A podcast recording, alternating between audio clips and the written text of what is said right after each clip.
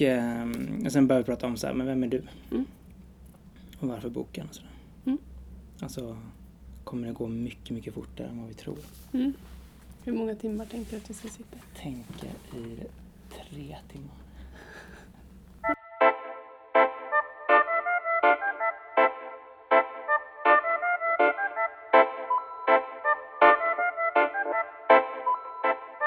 Ja, hej och välkomna till ännu ett avsnitt av eh, Ljudet av en dagordning. Eh, jag heter Erik Wagner och jobbar på Idealistas förlag.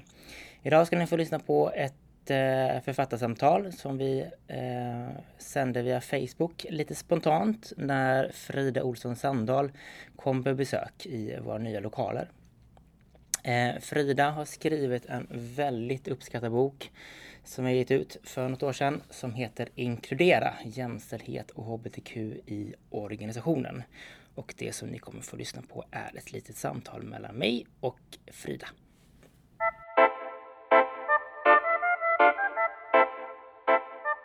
Hej och välkomna till denna lite spontana livesändning eh, ifrån Idealistas förlags nya kontor. Vi fick besök idag. Välkommen! Tack. Frida, hur känns det? Eh, bra. Ja. Mm. Du eh, har, är ju en av våra författare Mm. eh, och har gett ut den här boken Inkludera jämställdhet och hbtq i organisationen. Nu har jag lärt mig att ni som tittar på det här på Facebook just nu så är den spegelvänd. Jag ber om ursäkt för det men jag får inte till det på något annat sätt. Eh, men Frida Olsson Sandahl, Mm. vem är du? Ja, det är ju en existentiell fråga. Men ehm, eh, jag är en person som har vuxit upp i, i scouterna kan man säga. Mm? Det var där all min kraft eh, gick till och mitt engagemang när jag var liten och eh, blev vuxen. Hur, hur, hur gammal var du när du började med scouterna? Ja men alltså min pappa var ledare. Okej. Eh, Så jag ville ju vara med innan. Mm. Men min pappa var så här, det ska inte vara skillnad på ledarbarn och andra barn. Det hade han sett så många dåliga exempel på. Så Mm. att jag fick inte börja en dag innan de andra Ja, okej. fick. Nej. Jag fick inte ha någon scoutskjorta innan någon annan fick. Så det var en stor dag då, Mhm. när jag var åtta år och började. Ehm, ja, och ganska fort gick jag in i olika ledarroller och så. Ehm, och sen eh, gjorde jag några år utomlands och jobbat internationellt med scouting. Eh, och sen har jag jobbat eh, som förbundssekreterare på förbundet Vi Unga. Jag kände att jag behövde eh, jobba i en annan organisation där jag Mm. inte hade, liksom, från början i alla fall, hade mitt själ, min själ och mitt hjärta med. Eh, och sen efter det har jag jobbat inom studieförbundsvärlden. Mm. Och eh, jag har under de senaste 15 åren ungefär utbildat i jämställdhet och mångfaldsfrågor. Och det började utifrån att jag ju var jättearg och tyckte att eh, scouterna borde göra mer, hela världen borde göra mer. Mm. Eh, det blev ju väldigt eh, dåliga utbildningar då, kan man säga. Eftersom jag tyckte att alla skulle lämna rummet och vara lika arga och lite liksom, feministiskt engagerade som jag. Mm. Eh, och, eh, Alla var inte det eller? Nej, alla var inte det och det blev ju ganska mycket konflikter i det kan man säga. När någon talar om för folk vad de ska tycka. Mm. Det är ju sällan en bra pedagogisk metod. Eh, men det fina med idéburen rörelse det är ju att man får eh, testa igen. Så jag hade jättemånga runt omkring mig som var så här. Ja men hur gick det och nästa gång kanske du skulle testa och så där. Så då fick jag ändå fortsätta. Så det är jag väldigt tacksam för.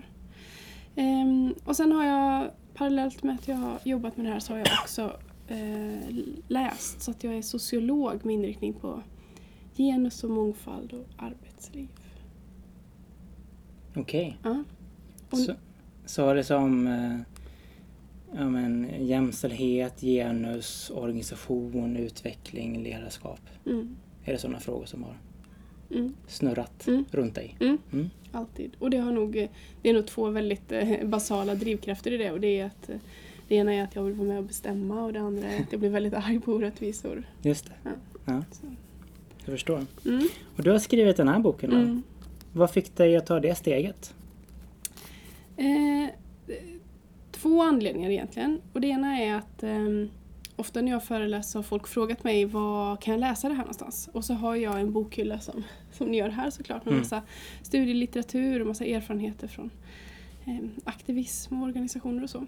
Och att ehm, eh, det är väldigt svårt att rekommendera en hel bokhylla. Mm. Eh, Så att jag kände att eh, jag kände helt enkelt att det behövdes en bok som var bred och som var tillgänglig och som som grundade sig i eh, teorier, så här, hade akademisk grund men som inte var en vetenskaplig text. Det fanns ett bok. Just det.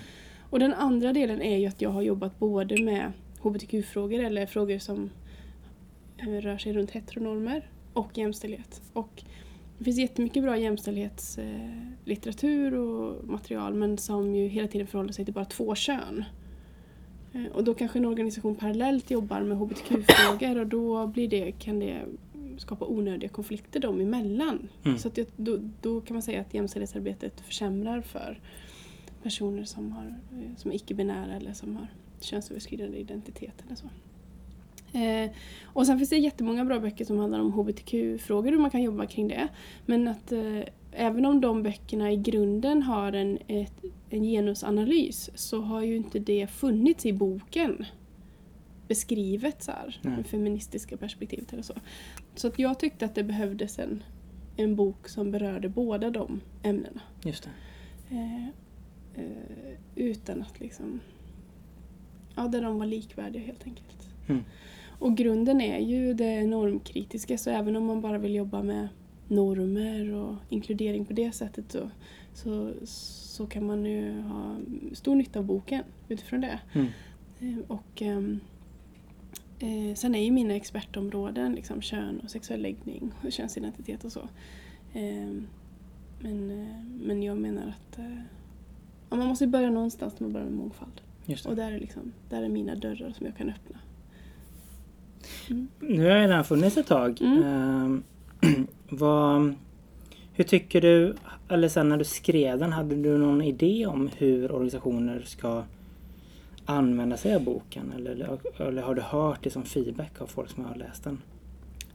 Hur ska Ja. man förhålla sig till boken? Ja, men jag tycker nog att den, ehm, att den används på så sätt som jag trodde att den skulle användas. Mm. Både av eh, ledningsgrupper eller styrelser eller eh, arbetsgrupper som är nej, men vi måste, vi måste lära oss mer om detta. Alltså att man gör studiecirklar kring det. Nu Mm. läser vi det här kapitlet. Mm. Så. Eh, men, och den andra eh, målgruppen var ju enskilda individer. Som är så här, nej men shit vi gör ingenting kring jämställdhet. Eller det här är helt bedrövligt. Eller nu har valberedningen liksom det här förslaget igen. Mm. Ser inte folk liksom. Mm. Vi säger i vår vision, i vår värdegrund att vi ska vara detta. Mm. Och sen blir det ändå så här. Vad, vad kan jag, hur ska jag göra med detta? Och då, jag tror ju att kunskap är makt. Eh, Så att den är ju liksom kunskapstät men den finns ju också, hela tiden i boken finns det konkreta exempel på hur man kan göra. Mm. Och då har jag velat eh, hjälpa den enskilda individen som ska förändra sitt sammanhang. Eh, Och så tycker jag mig höra den. Jag hör, jag hör också lärare som använder den i sin utbildning till exempel. Mm. För jag har använt den i olika uppdrag tidigare och då eh, alltså, verkligen inte, alltså uppslagsverk är liksom att, eh, för det är inte en sån bok, men att jag liksom återkommer till vissa delar. Mm. Mm. Att jag snubblar över någon frågeställning eller någonting jag tänker kring. Så tänker jag, just det, men inkludera har ju berört det här. Mm. Undrar, vad, undrar vad Frida skriver om det här. Mm. Att det är ganska skönt att kunna gå tillbaka till specifika. Mm. Det är så gör jag med. Ja. För att jag vet ju. Vad har jag jag- skrivit en gång tiden? Ja, så jag har ofta känslan av att det här har jag skrivit något eh, smart kring. Eller Mm. där något där jag har tänkt till och så skrivit ordentligt och så. Så att jag använder den också som en uppslag. Vilken briljant att du faktiskt är författare då. Att det inte bara är liksom... Jag tänker att jag tänker en del smarta tankar också. Men Ja, det är inget det. som har dokumenterat ner det. Nej, nej men det är är. väldigt skönt. Men, ehm, och där kan man säga att det är två delar av boken då. Eh, där det finns en ordlista som är så här korta definitioner. Mm. Och så finns det fördjupande kapitel. Och det har ju också varit en poäng i det. Och, och den här ordlistan är ju inte bakom liksom för att hjälpa läsaren att kunna slå upp för att förstå. Utan det börjar med ordlistan. Mm. Eh, För jag tror inte att det här området är speciellt utan jag tror att alla sammanhang har sitt språk, sina förkortningar, sina Mm. ord som de använder och eh, de orden man använder eh, signalerar vad man har för ideologi eller vilken generation man tillhör eller sådär. Ehm, och, och det här är ju ett område där, där de allra flesta vill göra väl, vill Mm. inkludera fler. Och, och då kan det komma en rädsla av att "Ja, men jag vill inte göra fel, tänk om jag använder det här begreppet eller då blir de arga eller och det vill inte jag. För, vi, för jag är ju en god människa. Ja. Liksom. Jag vill väl. Jag vill väl. Och jag brukar säga att den rädslan är ju eh, fantastisk för att den rädslan bygger ju just på godheten. Alltså hade man, hade man inte brytt sig så hade man ju bara använt vilka begrepp som helst och tyckt att det får folk Just det. fatta. Ja. Så- alltså det har varit en, eh, det är en viktig del också för att, för att få de här nycklarna in i ämnet. Att det finns en ordlista. Just det. Eh, vi pratade lite här innan om, om vad vi ska lägga fokus på under vårt samtal. Mm. Och jag har en, en fråga här som är Hur är det med jämställdhet och jämlikhet i föreningslivet? Tycker du om den? Ja, men, det Nej men nu, om man kollar på civilsamhället i stort då, eller Mm. vilka begrepp vi- vi nu använder. Eh, om man tänker mer internt i organisationer, Mm. hur inkluderande är är organisationer, tycker du att du ser liksom en vilja av att ta sig an de här perspektiven systematiskt eller? För det är många som har de här fina värdeorden som Mm. du pratar om. Att Mm, Vi bygger på vår verksamhet på alla människors lika rätt och värde. mm, Jada jada liksom. mm. Ehm, Nej men jag, ehm, i samband med att den här boken kom så kom det en ehm, var någon rapport, jag undrar om det var Forum för civilsamhället. Ja, i alla fall. Som visade ju då till exempel att eh, kvinnor och män engagerar sig lika mycket. Men att män engagerar sig i, i positioner som, som innebär makt. Mm. Eh, och som också då blir en språngbräda in i, i andra engagemang. Eller Just till det. nästa engagemang. Är det Ersta Sköndals eh, engagemangsstudie? Jag vågar inte säga det. Okej, nej. Eh, och att kvinnor, deras engagemang handlar mycket mer om administration men också social omvårdnad. Det. Alltså det är de som eh, går på språkcaféerna Mm. eller det är de som ser till att det alltid finns kaffe i Mm. kaféet. Och sådär. Ehm, så att engagemanget är lika men att det är olika. Dels är det olika status både internt och externt. Det. Eh, Men olika områden. Och så ser, ju, så ser ju världen ut. Jag tänker att där skiljer sig inte civilsamhället från Nej. liksom, könssegregerad, eh, ett könssegregerat samhälle. Ehm, men det, det, är ju, det är ett genusperspektiv på civilsamhället. Men sen tänker jag att det också finns ett... ehm, eh, det är ju civilsamhället som i många fall driver på de här frågorna i samhället. Mm. Så där finns det ju jättemånga stora, starka organisationer som, som ifrågasätter och som eh, pratar med politiker och så. Ehm, och så finns det de i samhället som bara inte... Som, där det inte är något intresse liksom. I våran, eh, eh, jag vet inte, bowlingklubb så, så kommer de här bara. Mm. Och det är bara de och, och vi har det bra. Liksom. Det. Ja. Och då är det ju så att det finns det inga lagstadgade krav på de bidrag man får eller finns det inget intresse av att vara öppen för alla så, så är man inte det oavsett vad som står i stadgarna. Eh, och det är ju också det fina med föreningslivet att det inte finns Mm. Liksom, Vi måste inte vara 100 pers för att kunna göra något eller det måste inte vara alla åldrar i en förening utan om ni, är, om ni bara är 15 till 16 år gamla och vill göra detta så finns det alla möjligheter att göra Just det. För jag tycker det där är intressant. Eh, Det är liksom tangerar väl liksom en diskussion kring egentligen separatism som metod och sådär. Men, men det är klart att så här, för jag tycker verkligen att det fina med civilsamhället är just friheten att organisera sin grupp om man nu liksom använder det begreppet utifrån det som man vill göra. Mm. Samtidigt som jag ser, jag tycker mig höra en del så här, um, ska man säga, ja, men en del um, ordval från politiskt håll om att eh, ja, men, diskussionen kring nyanlända och det mångkulturella samhället. Mm. Att det är väldigt många som står utanför det svenska civilsamhället och Mm. civilsamhället är ju en enorm kraft för att inkludera, inkludera, inkludera den gruppen. Och jag skulle inte bli förvånad om det kom krav på för att ta emot vissa former av statligt bidrag så Mm. måste man aktivt inkludera vissa målgrupper. Mm. Mm. Eh, Och då är frågan om det ställer, alltså så här, det kanske är en teoretisk diskussion men jag tycker det är intressant om det krockar liksom med organisationens Mm. självbestämmande.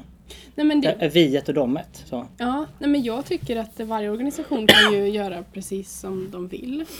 Men jag tycker faktiskt att lagstiftaren, alltså om föreningen vill ha bidrag, så kan ju lag, liksom den som ger bidrag ställa krav. För att bidraget är frivilligt. Det är att frivilligt. Absolut. Ja, så det, och det gör ju många kommuner till exempel. De Mm. sätter, ni måste ha en miljöplan eller jämställdhetsplan Mm. eller så. Ehm, så där, jag, jag, tyck, jag skulle vilja se mer liksom, krav från Just bidragsgivarna. Mm. Men jag är lika mån om eh, föreningslivets liksom, Självständighet Ja, och möjlighet att... ja, Men då får man helt enkelt organisera sig utifrån andra premisser. Då. Mm. Jag vet att eh, tidskriften Courage som jag jobbar med hade för många år sedan ett nummer om slutna rum. Mm. Som handlar egentligen om um, ja, men ordenssällskap Mm. till exempel. Mm. Eh, och då var jag väldigt så här, skeptisk till det som ordenssällskap. Men sen, sen, efter jag läste det numret så blev jag liksom mer... Jag tyckte det var svårare att vara som svart och vitt. Mm. Alltså det här vikten att ha sitt, sitt Mm. sammanhang liksom, och som... eh, Ja, vad det innebär. Mm. Massa olika sätt. Ja, men, ja men för det tycker jag, eh, separatism är ju också så här att få vara norm. Mm. Det är därför det behövs pridefestivaler, det är därför det behövs liksom nätverk för unga personer som är engagerade eller vi som bor på landsbygd eller så.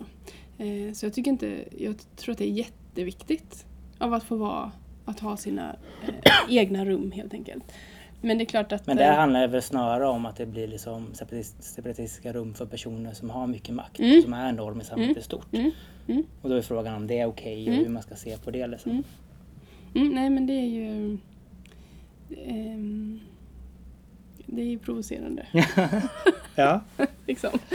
men, men jag tänker att det, det, de organisationernas frihet är ju också andra organisationers frihet. På något sätt. Men, men om man tänker internt i en organisation, om man behöver ha separatistiska rum för vissa Mm. målgrupper. Så, och, det, och det skriver jag en del om att om man har till exempel nätverk för unga ledare, för man ser att det här är en grupp som inte mm, följer med upp i hierarkin eller som faller bort eller som vi vill liksom uppmuntra. Då är det ju viktigt att det inte bara att det separatistiska rummet är det enda svaret på den frågan. Utan man måste också jobba med hela strukturen. Just det. För annars blir det ju fortfarande så att de här eh, unga personerna måste slåss mot samma strukturer och att det är upp till dem. Mm. Så om man har ehm, om det är nätverk för kvinnor eller nätverk för män eller nätverk för unga eller vad det än är så måste man också jobba, man måste jobba både och. Men det är en strategi som, som kräver också andra strategier Mm. för att det ska bli... Då måste man ha jämställdhetskompetens till exempel i alla sina ledarutbildningar. Om, man, om det är det som är målet. Men om man kollar på de här organisationerna som inte jobbar med jämställdhetsfrågor eller hbtq-frågor Mm. externt och försöker påverka samhället till det. Hur, eh, hur reflekterande är man generellt sett? Kan man svara på det? Är organisationen duktiga på att jobba med, eh, ja, med inkluderingsfrågor brett? Ja, jag tycker att det görs ju fantastiskt mycket bra saker. Sen, sen tror jag att man fastnar för att man kanske behöver lite, man behöver lite mer kompetens eller så. Men jag tycker jag tror att det är Charlotte Signal som säger i den här boken om att så här, hitta inte på allting själva. Det finns jättemycket saker och människor älskar att dela med sig. Mm. Säger hon i den intervjun. Eh, och det är så sant tycker jag. Att det, att det görs verkligen otroligt mycket bra saker. Sen gör ju människor fel och det vi gjorde för tio år sedan kan ju kännas hopplöst eh, odaterat idag. Men skit i det. Liksom. Mm. För att eh, det är ju... Eh, jag tänker att civilsamhället vill både förändra världen och förändra oss- själva. Liksom. Eller vi gör någonting för oss själva. Mm. Ja, verkligen. Och ibland så hänger det ihop med att förändra världen och då, då är det bara att köra. Men om du skulle, om man säger att man är en eh, förbundsordförande som vaknar upp med full insikt om att oj, shit, den här organisationen som jag leder, Mm. eh, vi, eh, vi är inte briljanta Mm. på jämställdhet eller Mm. hbtq-frågor. Vad är det som de första stegen? Eh, Att utbilda ledarskapet. Eh, eh, Tillsätt ingen jämställdhetsansvarig eller så. För att det ligger alltid i ledarskapet som jämställdheten, som det händer. Att liksom. sprida det brett liksom. Ja, och städa trappan uppifrån. Just det. För att ehm, eh, annars blir det en eldsjälsfråga eller en enskild individ som ska ha ansvar för jämställdheten i en organisation och det är helt omöjligt. Mm. Eh, utan det är alltid ett eh, chefskap eller ledarskap eller ett ordförandeskap som, som, som sätter den nivån och som ser till att det händer. Ehm, Jag blev ansvarig för jämställdhet i en organisation som jag varit aktiv i. Ja, en- del kanske det? vet. Nej, det gick... eh, när vi skulle bygga en jämställd organisation på fyra år. Det var Mm. målet. Ja. Det lyckas vi inte riktigt med. Men vi gjorde ett material. Mm. Jag tänker att det är också en väldigt vanlig lösning, är det inte det? Jo, skriv en bok. Ja. Liksom.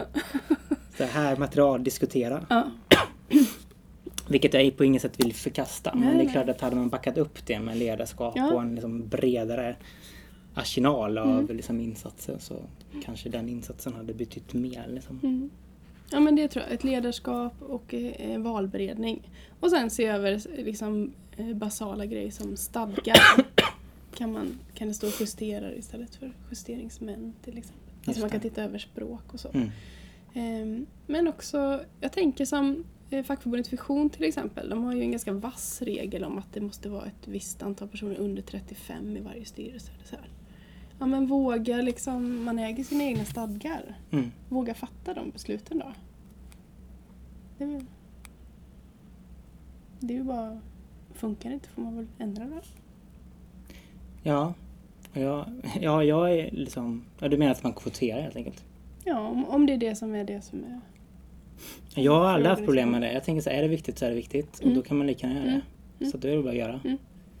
Men det där verkar ju vara väldigt mycket... Jag tänker att du skriver säkert en hel del om kvoteringar också. Mm, ja. Det verkar ju vara en, en, en fråga som en del har lite olika åsikter om.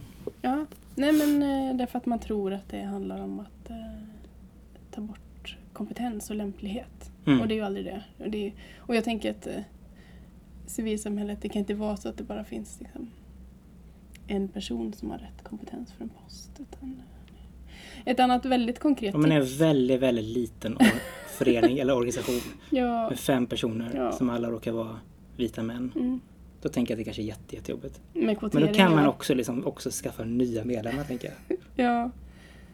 Kanske, ja. Förlåt, du tänkte säga något annat. Ja, jag återkommer till det sen. Men jag bara tänkte på de här fem männen, att de kanske inte har i sin värdegrund att de ska vara till för alla heller då. Eller kanske inte ens står i deras stadgar, då behöver de inte jobba med det. De kanske har ett separatistiskt rum liksom. Ja, kanske. Eh, Jag skulle säga, jo, ett, ett väldigt konkret tips för, för jämställdheten det är ju att tacka nej. Mm. Men om, om Berätta har- lite mer om det. Hur funkar det? Hur ska jag tänka? Ja, Du ska bara säga nej. Ja. Ja. Nej men eh, jag tänker att eh, det är så lätt att tro att ingen annan kan göra det. Det är så lätt att tro att det finns inga yngre. Och eh, eh, Tänk om det inte blir, om man då kvoterar i stadgarna till exempel och så tror man det. att det inte finns några personer som kan vara i Nej. styrelsen som, sitter, som är under 35. Nej men det är klart att det finns. Mm. Liksom. Så jag, eh, jag använder det själv ganska mycket. Så här, nej men jag säger nej. För att det är så lätt att man blir den, där personen som alltid dyker upp i alla Just sammanhang också. Mm. Som blir, folk tröttnar på en. Jag, jag tröttnar på mig själv. Mm. Så då tänker jag att ehm, fler borde tacka nej som en strategi för att inkludera andra. Så. Mm. Det ska jag ta till mig, tänker jag. Jag borde tacka nej oftare. Jag har lite som sån här mikrostrategi, eller feministisk mikrostrategi, att jag alltid tipsar om andra. Och rå- alltså så här, jag brukar alltid tipsa om andra kvinnor. Mm. Det brukar vara... Mm. Det har blivit så liksom. Jag tänker att jag kanske gör skillnad. Mm. Jo men så är det. Och sen kan man också ändra sitt språk. Mm. Det är ju också en sån mikrostrategi. Prata om sin partner till exempel. Istället för sin fru eller sin man. Eller, Just det. eller eh, och ställa öppna frågor. Och hur, ser- hur det ser min familj partner är väldigt duktig på det. Ja. Har ett väldigt, väldigt, väldigt könsneutralt språk. Mm. Som utmanar mig. Eller så här, jag försöker bli bättre på det. Mm. Jag tycker det är ärligt talat jättesvårt. Mm, jo, men det är en träningssak. Ja. Tänker jag. Det är inte som att du inte kan lära dig nya ord. Nej. Och nu menar, jag, menar, ja. jag menar generellt. Ja, det är inte som att vi inte kan lära oss nya ord. Utan det handlar ju bara om en ja, träning. Boken. Mm. Eh, jättebra verktyg för alla som vill göra skillnad i det stora eller i det lilla. Eh, den finns på vår hemsida såklart, idealistas.se. Den finns på Bokus, Adlibris och lite diverse näthandlare. Finns lite överallt. Så får man jättegärna anlita Frida också som föreläsare. Du är ute en hel del. Mm. Vad brukar du prata om då? Ja, inkludering, Inkludering. Ja. ledarskap, mm, bemötande. Så, jättebra. Tack för idag helt enkelt. Tack själv. Tack. Så, då var det samtalet slut och jag kan bara avsluta med att säga att just nu har vi faktiskt rabatt på samtliga våra böcker. Och särskilt då inkludera. Om det är så att man beställer direkt via oss och anger koden världsförbättrare så får man 15% rabatt fram till och med 8 mars. Och detta gäller då 2017 om det är så att ni lyssnar i efterhand. Så fram till 8 mars. Eh, och 8 mars är en speciell dag Eh, där alla borde engagera sig i inkluderingsfrågor och jämställdhetsfrågor. Så det är väl perfekt att man faktiskt beställer boken inför den dagen. Och om man inte har några planer så är det ju en jättebra dag att sätta sig ner och faktiskt läsa Fridas bok. Ha det bra, hej!